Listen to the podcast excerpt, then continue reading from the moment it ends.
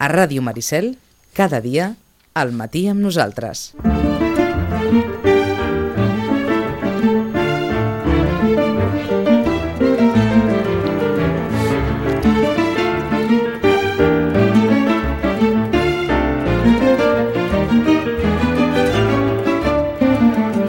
A un mes perquè sigui Sant Jordi i vaja, la llibreria tope. Ja ho està més o menys cada 15 dies, hem d'imaginar que ho està ara més que mai. I en espera d'aquest eh, Sant Jordi que és a punt d'arribar, que per sort cau passada la Setmana Santa, passada la Pasqua, i per tant, com a mínim, hi haurà uns dies per poder, per poder respirar una mica. Rosana, bon dia i bona hora. Hola, molt bon dia. La llibreria plena. Plena, plena de llibres, eh? I- Vols dir això, eh? I Vols dir això? plena, i espera, Plena, i, i espera plena. i aguarda, que deia aquell, eh? Ah, exacte, i espera i aguarda, eh? Perquè ens ha de sortir el cabrer, imagina't, eh? O sigui que estem aquí esperant ja que surti, surti el dia 5 el, el Jaume Cabré, eh? Uh, quant de temps feia que Jaume Cabré no treia llibre?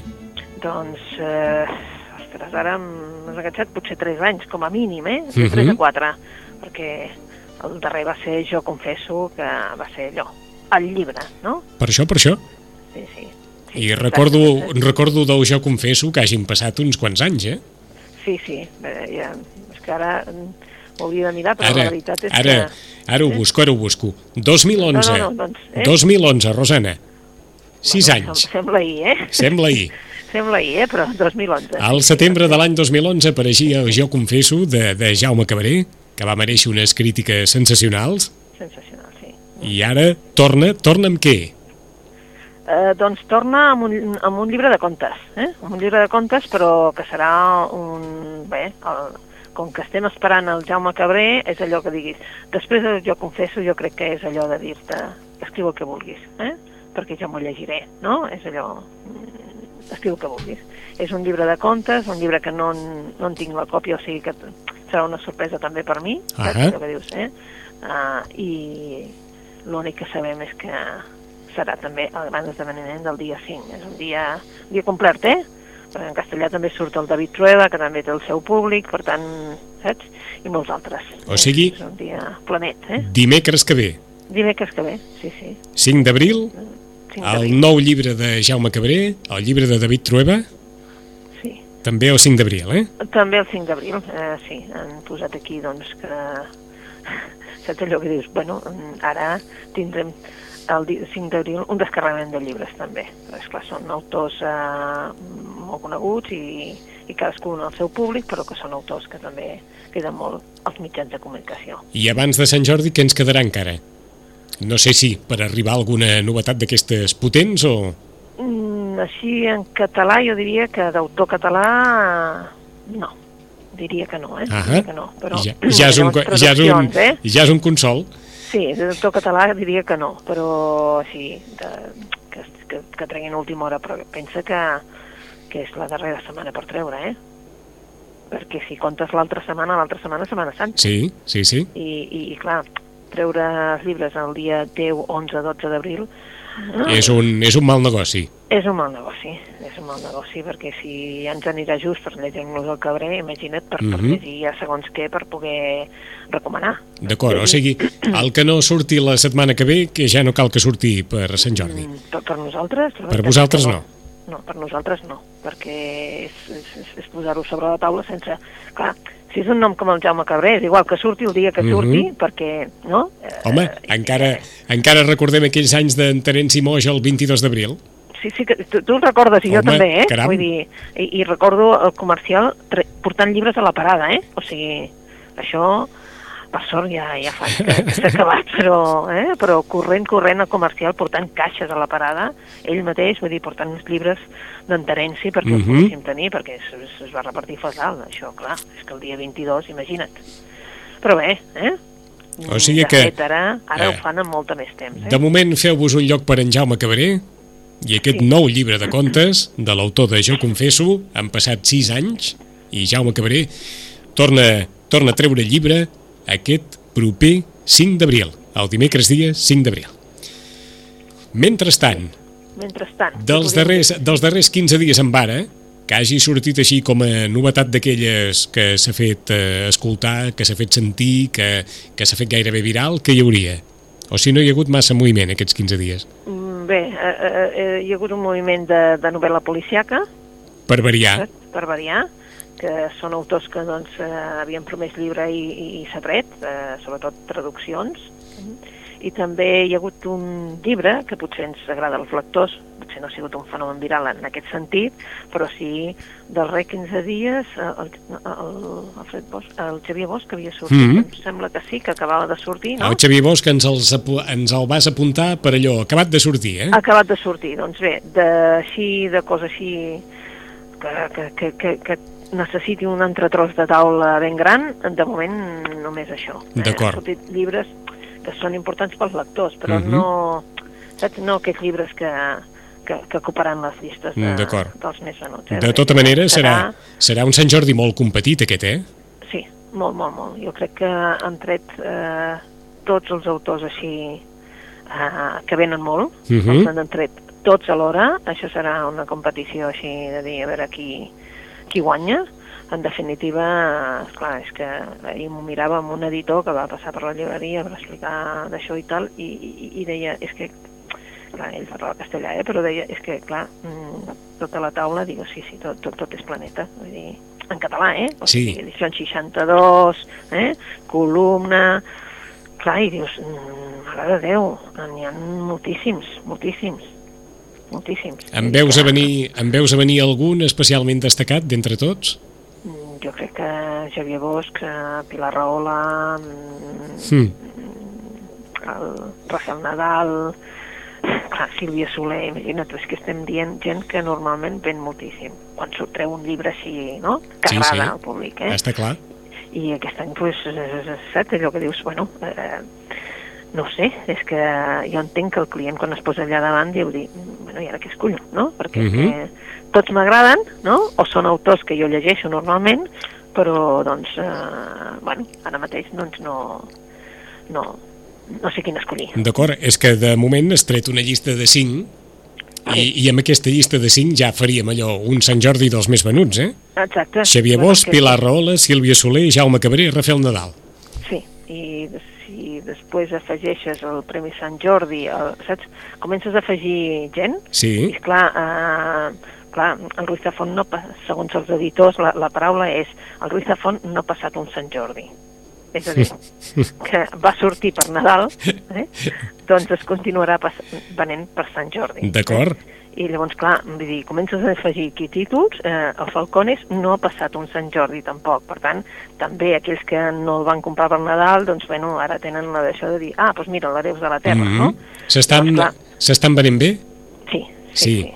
Tant Ruiz Zafón com Falcones? Com Falcones, sí, havien baixat una mica, però és que febrer, febrer és un mes de carnaval, de, saps, de, de, de vendre's eh, oci, però no pas en aquest sentit, doncs, truc, en, cultura, no? Per Mhm. dir-ho d'alguna manera així, cultura escrita o cultura per llegir, no. És un altre tipus i llavors, clar, en aquell moment doncs, van baixar tots eh, en picat, però sí que és cert que doncs, es continuen venent i crec que doncs, és això, hi ha gent que s'està fent llistetes, saps? I vull aquest, i vull aquest, doncs, bueno, serà un dels, dels llibres també. D'acord. És que, és que de veritat que mires la taula i dius, uh, com ho farem això? I afegim, I afegim aquí el laberinto de los espíritus i els hereus de la terra. Per I a veure, i a veure què passa. Enmig de, què passa, eh? enmig de passa, totes eh? aquestes novetats, eh? però un Sant Jordi molt renyit. Almenys eh, Molt eh, renyit. això sí que es pot preveure, un Sant Jordi molt renyit. Molt entre, renyit, eh? Molt... entre les recomanacions, Rosana, per on vols començar? Doncs pues mira, comencem, comencem per un autor català, un autor català que tu que t'agradarà que comencem així, eh? perquè és un autor català que una editorial com Nòrdica, que no és catalana, ha fet un llibre eh, dels seus contes, eh? una selecció de contes, de Pere Caldés. M'ho veia venir. Dic, ara Eh? sortirà Sí? Pere Caldés. Doncs sí, eh? doncs eh, una selecció dels seus contes i il·lustrats. Eh? Il·lustrats Mhm. per qui? Doncs per l'Agustín Comoto. Eh? Unes il·lustracions precioses, un llibre d'aquells que dius no me'l puc perdre per regalar, per tant, regalar-me-la a mi, no? perquè, i sobretot, clar, és el Pere Caldés. Jo crec que si hi ha algú que com a, com a autor català, eh? que ens ha agradat a tota una generació també com a conte, eh? quan en diuen uns contes així una uh -huh. mica Mhm. fantàstic, no sé, tu dius Pere Caldés, no? i una mica també doncs, aquest humor català que tenim, etc. No, doncs no, el tenia ell. no, eh? no direm que sigui el nostre Roald Dahl, però vaja. Eh, Però vaja, eh? però vaja, quan, Però vaja, quan, eh? quan diem contes, pum, sempre apareix Pere Caldés, eh? No falla. Sempre apareix. Per, per, per mi sí, és allò, apareix Pere Caldés pel mig, no? A veure, darrerament, evidentment, Quim Monzó, Sergi Pàmies, però Mhm. quan tu penses en un llibre de contes així diferents, especials, etc, tu dius Pere Caldés. Eh? I llavors ha fet una selecció de contes eh, curts, i n'hi ha alguns que molt curts, que serien allò com un, saps allò, un microrelat, un microconte, Sí. però un micro, eh? Un es diu, per exemple, Obituari, i diu, males notícies. S'ha mort aquella vella que no es volia morir mai. La baixa és particularment sensible perquè l'aguantava la fama de la seva curiositat desperta. No es volia perdre res. I ha passat. No ens enganyem. Allò que ja era de tema. Ara, el problema és buscar-li substitut. Queda oberta la convocatòria. I aquí s'acaba el conte. I aquí s'acaba el conte. És un, obituari, no? I tu dius, bueno, és Això- aquest eh, humor negre, Exacte. I Sí. aquesta abstracció de contingut només la saben fer els mestres. no? Exacte. Eh? I llavors la gràcia de, que és un llibre així, saps? Un llibre d'aquests que seria tamany de butxaca, tamany Ahà. petitet, amb una portada així d'un dels contes, de- d'un senyor que li apareix doncs, un, un arbre enmig de, de, del menjador de casa, eh? Llavors es va queixar a les autoritats, vull dir, també és que tots són allò de dir mm, contes de l'absurd, contes de... Eh? Allò, allò de les històries extraordinàries d'en de, de, d'en Roald Dahl, doncs això. Doncs Roald Dahl, doncs això seria, però en el nostre humor català. Ahà. Eh? Doncs bé, doncs per aquells que mm, volen llegir, diguéssim, una coseta curteta que volen d'això, doncs aquest. Coses aparentment intrascendents i altres contes. De- De... Editorial nòrdica i llavors amb una presentació preciosa perquè, ja et dic, són els, eh, els dibuixos, les il·lustracions del Agustín Comoto. Ahà. Mai no ha deixat de vendre's, eh, Pere Caldés? No, no, no. I, i a més a més um, agafes um, allò, les seves cartes i et quedes um, meravellat, no? Mhm. I dius, eh, agafes els seus contes i dius, bocabadat, vull dir que jo és, un autor que sempre, saps allò, que, que el tens allà, que Ahà. el tens allà, que hi és, eh? Que hi és i que hi és present, I, Mm. i no s'ha deixat mai de vendre, això és cert, vull dir, i, i inclús et diria que ha sigut més fàcil de trobar que, que, Que- el Pedrolo, per exemple. És que anava a dir, hi ha autors catalans que sempre tornen i hi ha autors Sí. catalans que costen molt que tornin. Exacte. I en Pere Caldés, pel que sigui, sempre sempre està present. Sempre hi és. Sí, sí, sí, sí. I les narracions, eh, saps allò, eh, narracions extraordinàries, saps, eh, eh, clar, segons quina part de l'obra potser no tant, no? però bé, sempre hi és. És un Mhm. autor que està present sempre a les llibreries. I llavors Doncs- això fa que no, que no ens oblidem d'ell. Doncs d'editorial nòrdica, coses aparentment intrascendents i altres contes de Pere Caldés, a part d'aquesta trilogia que ens ha fet la Rosana tan ben feta de Pere Caldés, Quim Monzó, Sergi Pàmies. Sí. Pim, pam, pum. Qui vulgui Pim, pam, contes, pum, eh? qui vulgui Sí. contes, que se'n vagi a qualsevol d'aquests d'aquests tres, que no el decebran i el deixaran amb un somriure i amb una reflexió, perquè eh, després d'escoltar l'obituari que ens llegia la Rosana, el lector també sap que aquesta senyora gran trobarà substituta, segur. Sí, sí, sí. No. Segur que hi ha substituta. Malauradament n'hi ha moltes. hi, ha, hi ha substituta, hi ha substituta. Està clar que sí. Sí. Per on seguim, Rosana? Pues seguim mm, per un autor, a un autor que, que és un autor que ja s'ha fet un lloc en el... Eh, és un autor libanès de família maorita, eh, afincat al Canadà i fet ja canadenc, per tant el coneixem com a canadenc, però us ho dic que és libanès perquè l'autor segur que us sona, perquè segur que tothom va anar al teatre a veure incendis. Bachi Mouawad, eh? Uh, és conegut com a autor de, de teatre, també uh, s'ha de reconèixer que el, els llibreters catalans li vam donar el premi amb, de Premi Llibreter, però ell ara el que ha fet amb una obra que era una obra molt especial que es deia Ànima, eh? que encara evidentment la tenim en butxaca i tal perquè la gent se la pugui llegir, però ara una editorial independent, petita, eh, que és Edicions del Periscopi, ha decidit publicar-li tota l'obra, que era una vergonya perquè la teníem en castellà i no la teníem en català. Litoral, incendis, boscos i cels. Tota l'obra de teatre, uh Mhm. -huh. aquell que els agradi el teatre, que no en parlem mai del teatre, però tots aquells que els agrada el teatre, totes aquestes quatre obres que no es podien trobar totes en català, doncs ara a ells l'han posada totes juntes eh? i l'han publicada com La sang de les promeses. Mm? Per aquells que els agradin eh, les obres de teatre, perquè n'hagin sentit a parlar d'incendis, per exemple, que és potser la que s'ha sentit Sí. més a parlar, amb unes doncs- crítiques enormes en Ah, el seu enormes. muntatge a Barcelona, eh, si no recordo malament, amb la, amb la, anava a dir, la Clara Segura, en Carles Martínez, la Màrcia Cisteró, que va dirigir Oriol Brogi, Sí, un- doncs, eh? va ser seva- un, va un ser èxit gran total. esdeveniment, eh? Mhm. un èxit total. Doncs, eh, per aquells que els agrada el teatre, doncs que sàpiguen que ara s'ha publicat ja en català eh, en Litoral, Incendis, Boscos i Ocells, dir, totes les quatre, amb aquest La sang de les promeses, eh, de Batxi Moat. Eh? Només és un apunt per aquells que els agrada llegir teatre, n'hi ha poquets, ho sabem. Ho sabem que a la gent li costa llegir teatre, si li costa llegir contes, doncs ja no us explico, per a teatre ja sí que és allò quatre. Eh?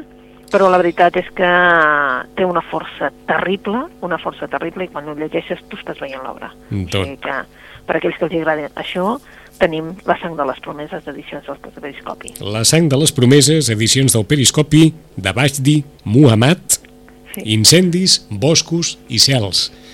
Sí. Incendis que ja es presentava, hem anat a petar eh, al web del Teatre Barcelona, Incendis es venia d'aquesta manera. Gairebé una epopeia, la vida de tota una família, d'un grup de gent, d'un poble, d'una civilització cultural, una gran història tràgica que sembla que vingui del fons dels temps.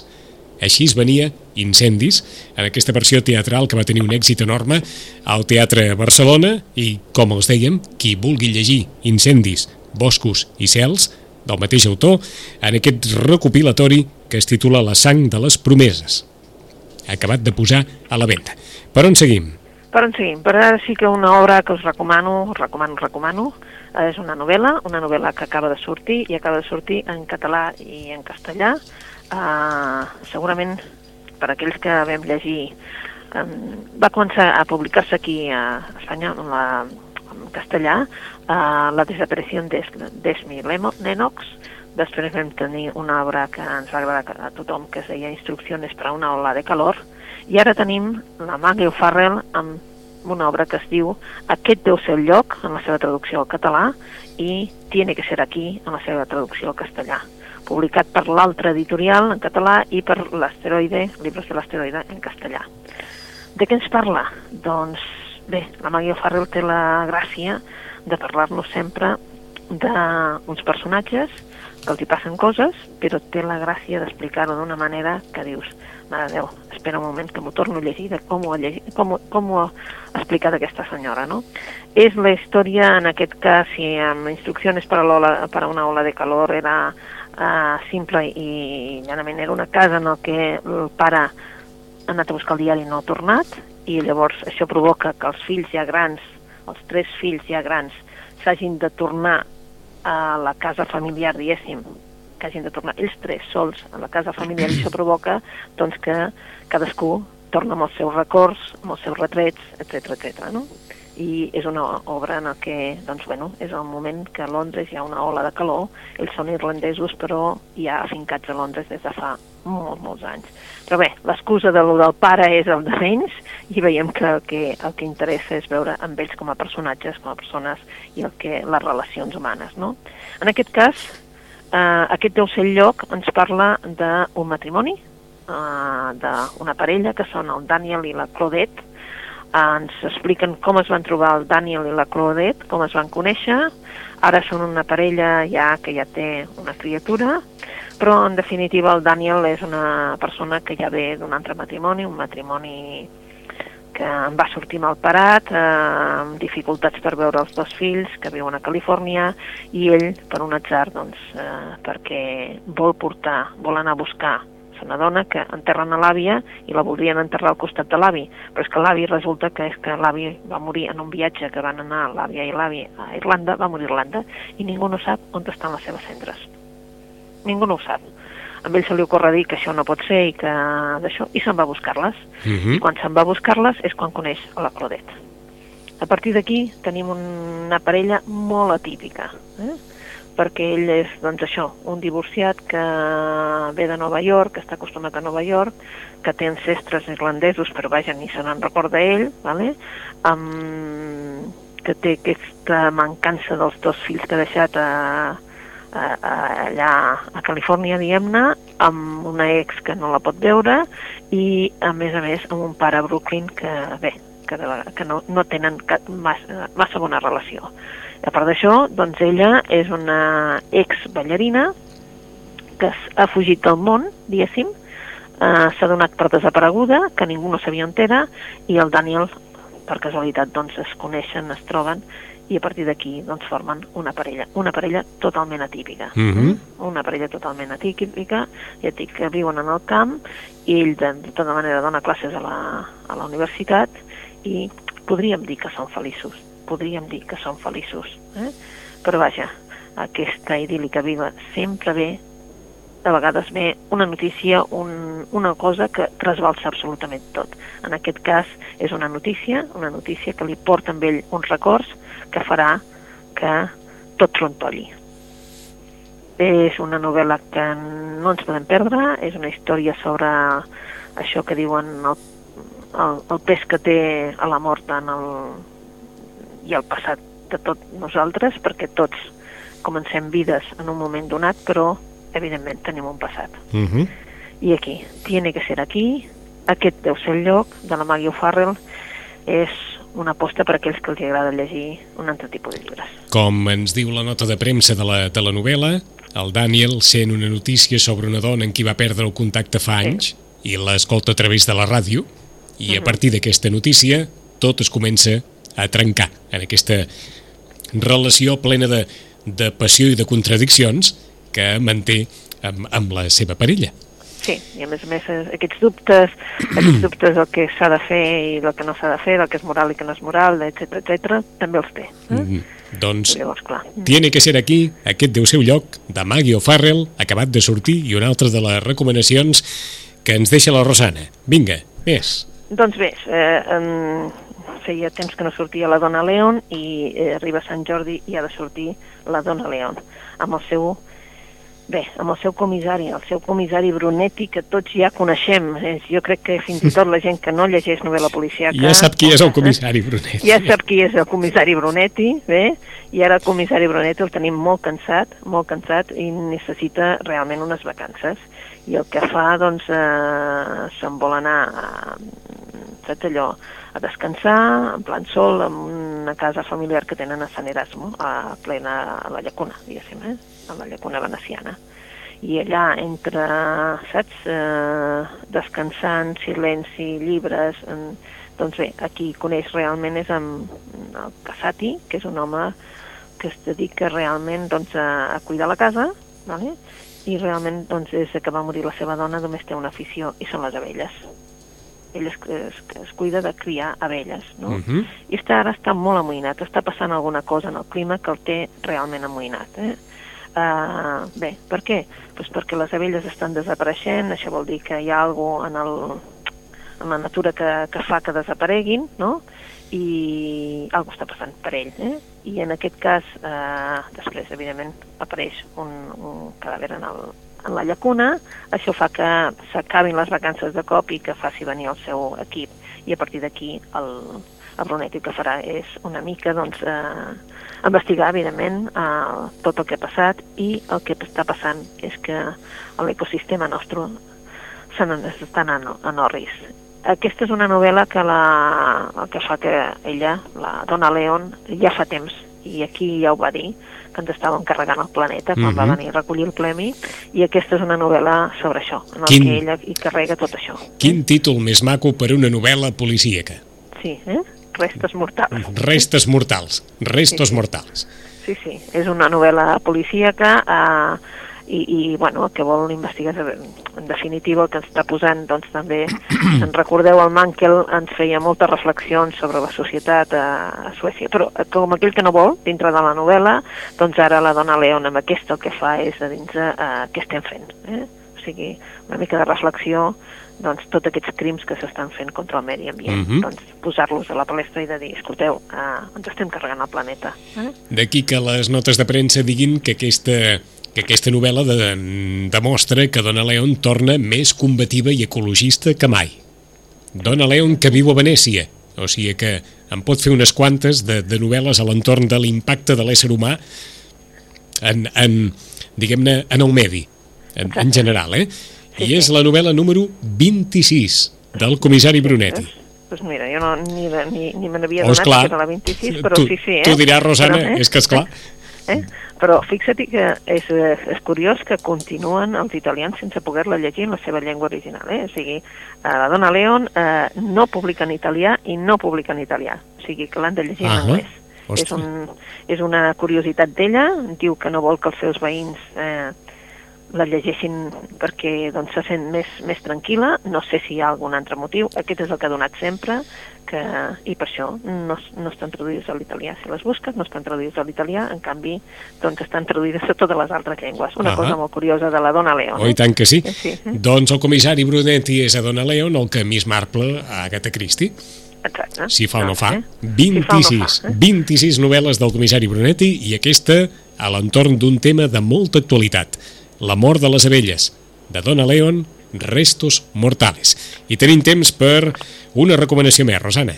Doncs bé, se n'anem també amb una altra novel·la, és que eh, algú em deia ahir, però és que, escolta, hi ha alguna cosa més a part de la novel·la policíaca? Sí, hi ha moltes més, però en aquest cas, pels fans del John Esbo, eh, un autor també que coneixem aquí a Catalunya, perquè ens ve cada dos per tres, sigui per eh, presentar novel·les, sigui per rebre premis, el John Esbo té un personatge que tothom seguim, i aquest ja és la número 11, aquesta sí que ens en recordem perquè no, no en porta tantes, eh?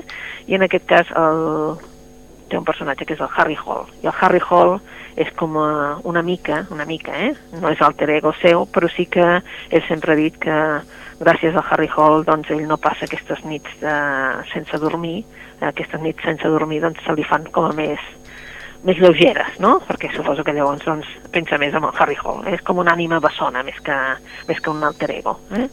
I aquí, en aquest cas, ens parla també de noves tecnologies, no pas de- de- d'ecosistema, però sí també apunta a tot aquest tema de les noves tecnologies. Per què? Perquè el personatge, l'Alice, és una, una noia que, um, bé, que juga, uh, bé, té aquella falera de fer-se veure i de lligar, com aquell qui diu, per internet. Però el que ell vol, més que res, és que la coneguin. Més que, més que realment tindre relacions sexuals, el que vol és que la coneguin, sentir-se ella desitjada pels homes, no?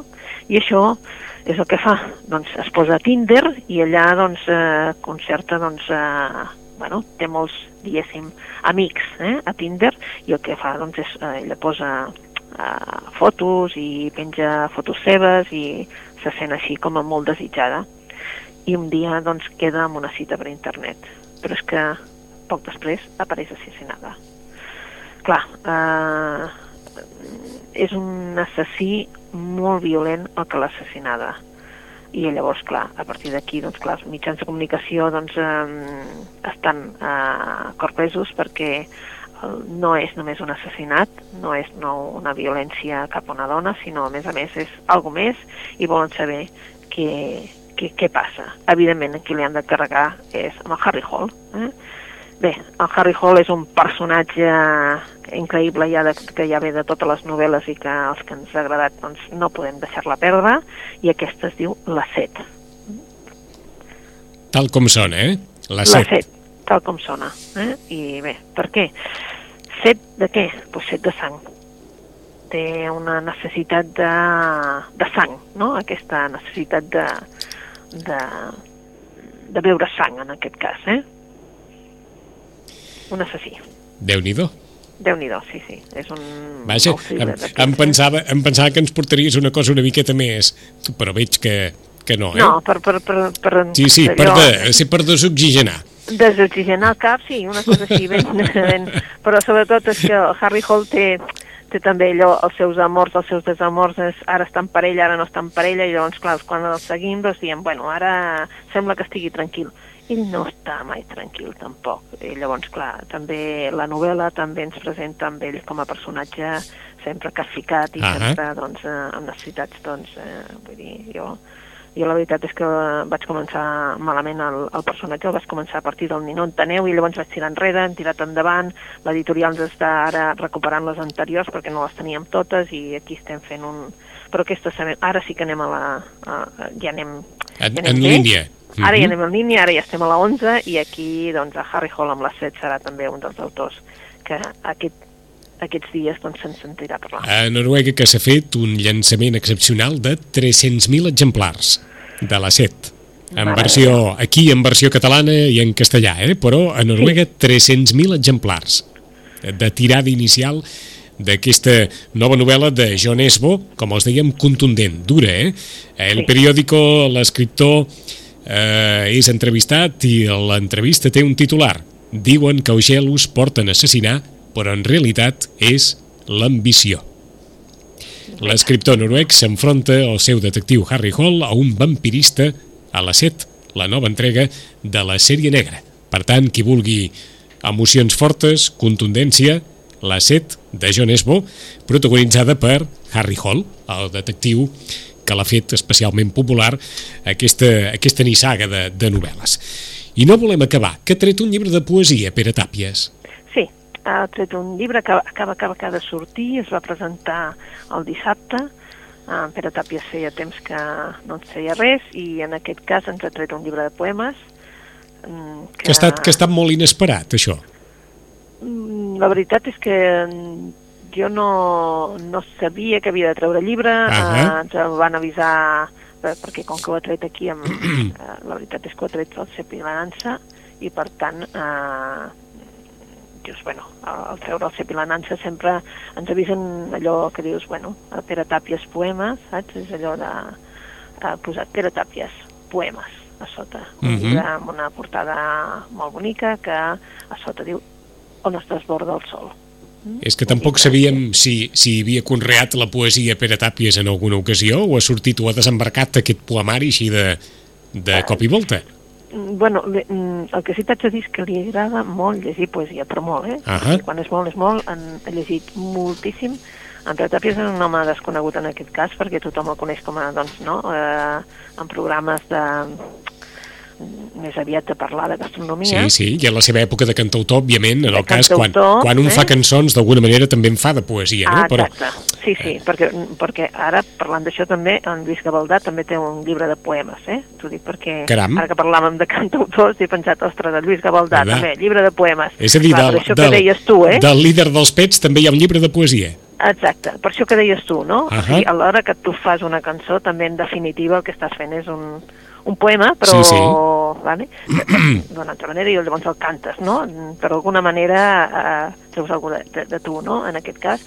I en Pere Tàpies, jo sempre he dit que eh, la gent el coneix per, per, per gastrònom, però és un home que et pot parlar absolutament de molts i molts i molts i molts llibres i molts temes perquè és un home que llegeix moltíssim, moltíssim, és moltíssim, i saps allò, no només eh, mm, literatura doncs, eh, d'aquí, sinó literatura europea. I llavors, clar, et sorprèn quan, quan eh, parla, perquè doncs et pot presentar qualsevol perquè ell ha llegit això, això, això i això, saps? I en aquest cas ens presenta uns poemes, Uh -huh. la poesia, on es desborda el sol, aquest sol mediterrani nostre, eh? com, com és el tòpic, eh? eh? Tenim tan lligada la imatge de Pere Tàpies a un... Vaja, a, a Sí. un bon vivant, Un bon vivant, sí. etc etc que, que aquest, aquest vessant de persona cultivada, dit així Sí. en, en veu alta, no, Sí. no li teníem tant, eh? No, no li tenim per, per, per això, no? Perquè és un home també que ha cultivat aquesta... No? Ahà. Potser eh, ha donat aquesta imatge de cara fora, però bé, eh, aquí l'hem sentit parlar de temes molt diversos i llavors, bueno, et, et relaciona una novel·la amb no sé quantes i dius, vale, fantàstic. Això no ho fa qualsevol. Està clar, està clar que no ho fa qualsevol i, i no es pot fer des de qualsevol enteniment, se n'ha de tenir, està clar. Sí. Fem un repàs, per tant, a les recomanacions que ens deixa la Rosa Rosana perquè quan la tornem a saludar estarem a les portes de, de Sant Jordi. Sant Jordi. D'entrada, aquests, eh, diríem que aquests eh, cinc noms per Sant Jordi, així d'una atacada, Xavier Bosch, Pilar Rahola, Sílvia Soler, Rafael Nadal i el proper dimecres dia 5 d'abril surt el nou llibre de Jaume Cabré, que no editava res des del Jo Confesso del setembre del 2011.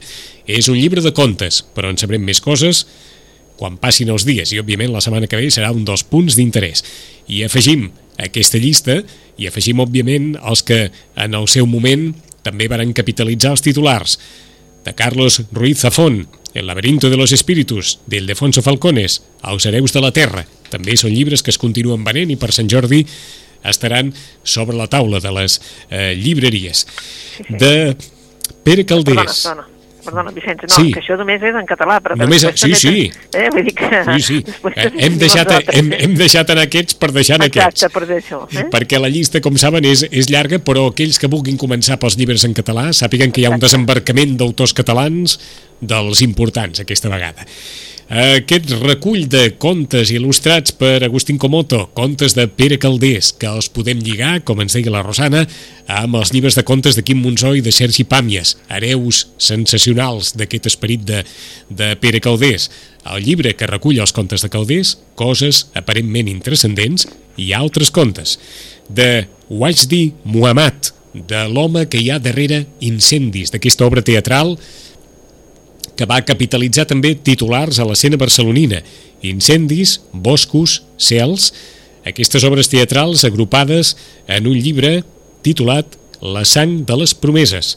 És una presentació, diguem-ne així a manera literària, per a tots aquells a qui els hagués agradat incendis o qui els agrada llegir teatre. De Maggie O'Farrell també hem parlat d'aquesta darrera història eh, diguem-ne en un marc ja més, més detectivesc, la història d'aquesta parella tan singular i un dels seus membres, l'home, escolta un dia per la ràdio la notícia que el porta un record d'una dona del passat i a partir d'aquí tot es comença a trencar. Tiene que ser aquí, aquest deu ser el lloc de Maggie O'Farrell. Comissari Brunetti, Donna Leon, número 26 de la nissaga del comissari Brunetti, una història sobre un tema d'actualitat, la mort de les abelles i les causes d'aquesta mort. Restos mortales, aquest és el títol de la darrera novel·la de Donna Leon. I ens quedem amb el que ens acaba de dir la Rosana, de John Esbo, una altra història potent, la història de la Set, aquesta, aquesta noia que cerca a través de, de Tinder eh, no tant relacions sexuals sinó coneixences i que acaba sent assassinada amb violència. Un nou cas per l'inspector Harry Hall. I qui vulgui poesia, poesia vinculada amb persones que han tingut popularitat també, sobretot en el món musical, on es desborda el sol, el poemari de Pere Tàpies i també Lluís Gavaldà, el líder dels Pets, que ha tret poemari i per tant en un registre en el qual no, no els teníem de, tipificats com a mínim. Eh? En 15 dies més novetats de la mà de la Rosana Lluc. Rosana, fins d'aquí 15 dies. Fins aquí 15 dies. Bona, Bona lectura. lectura. Adéu-siau.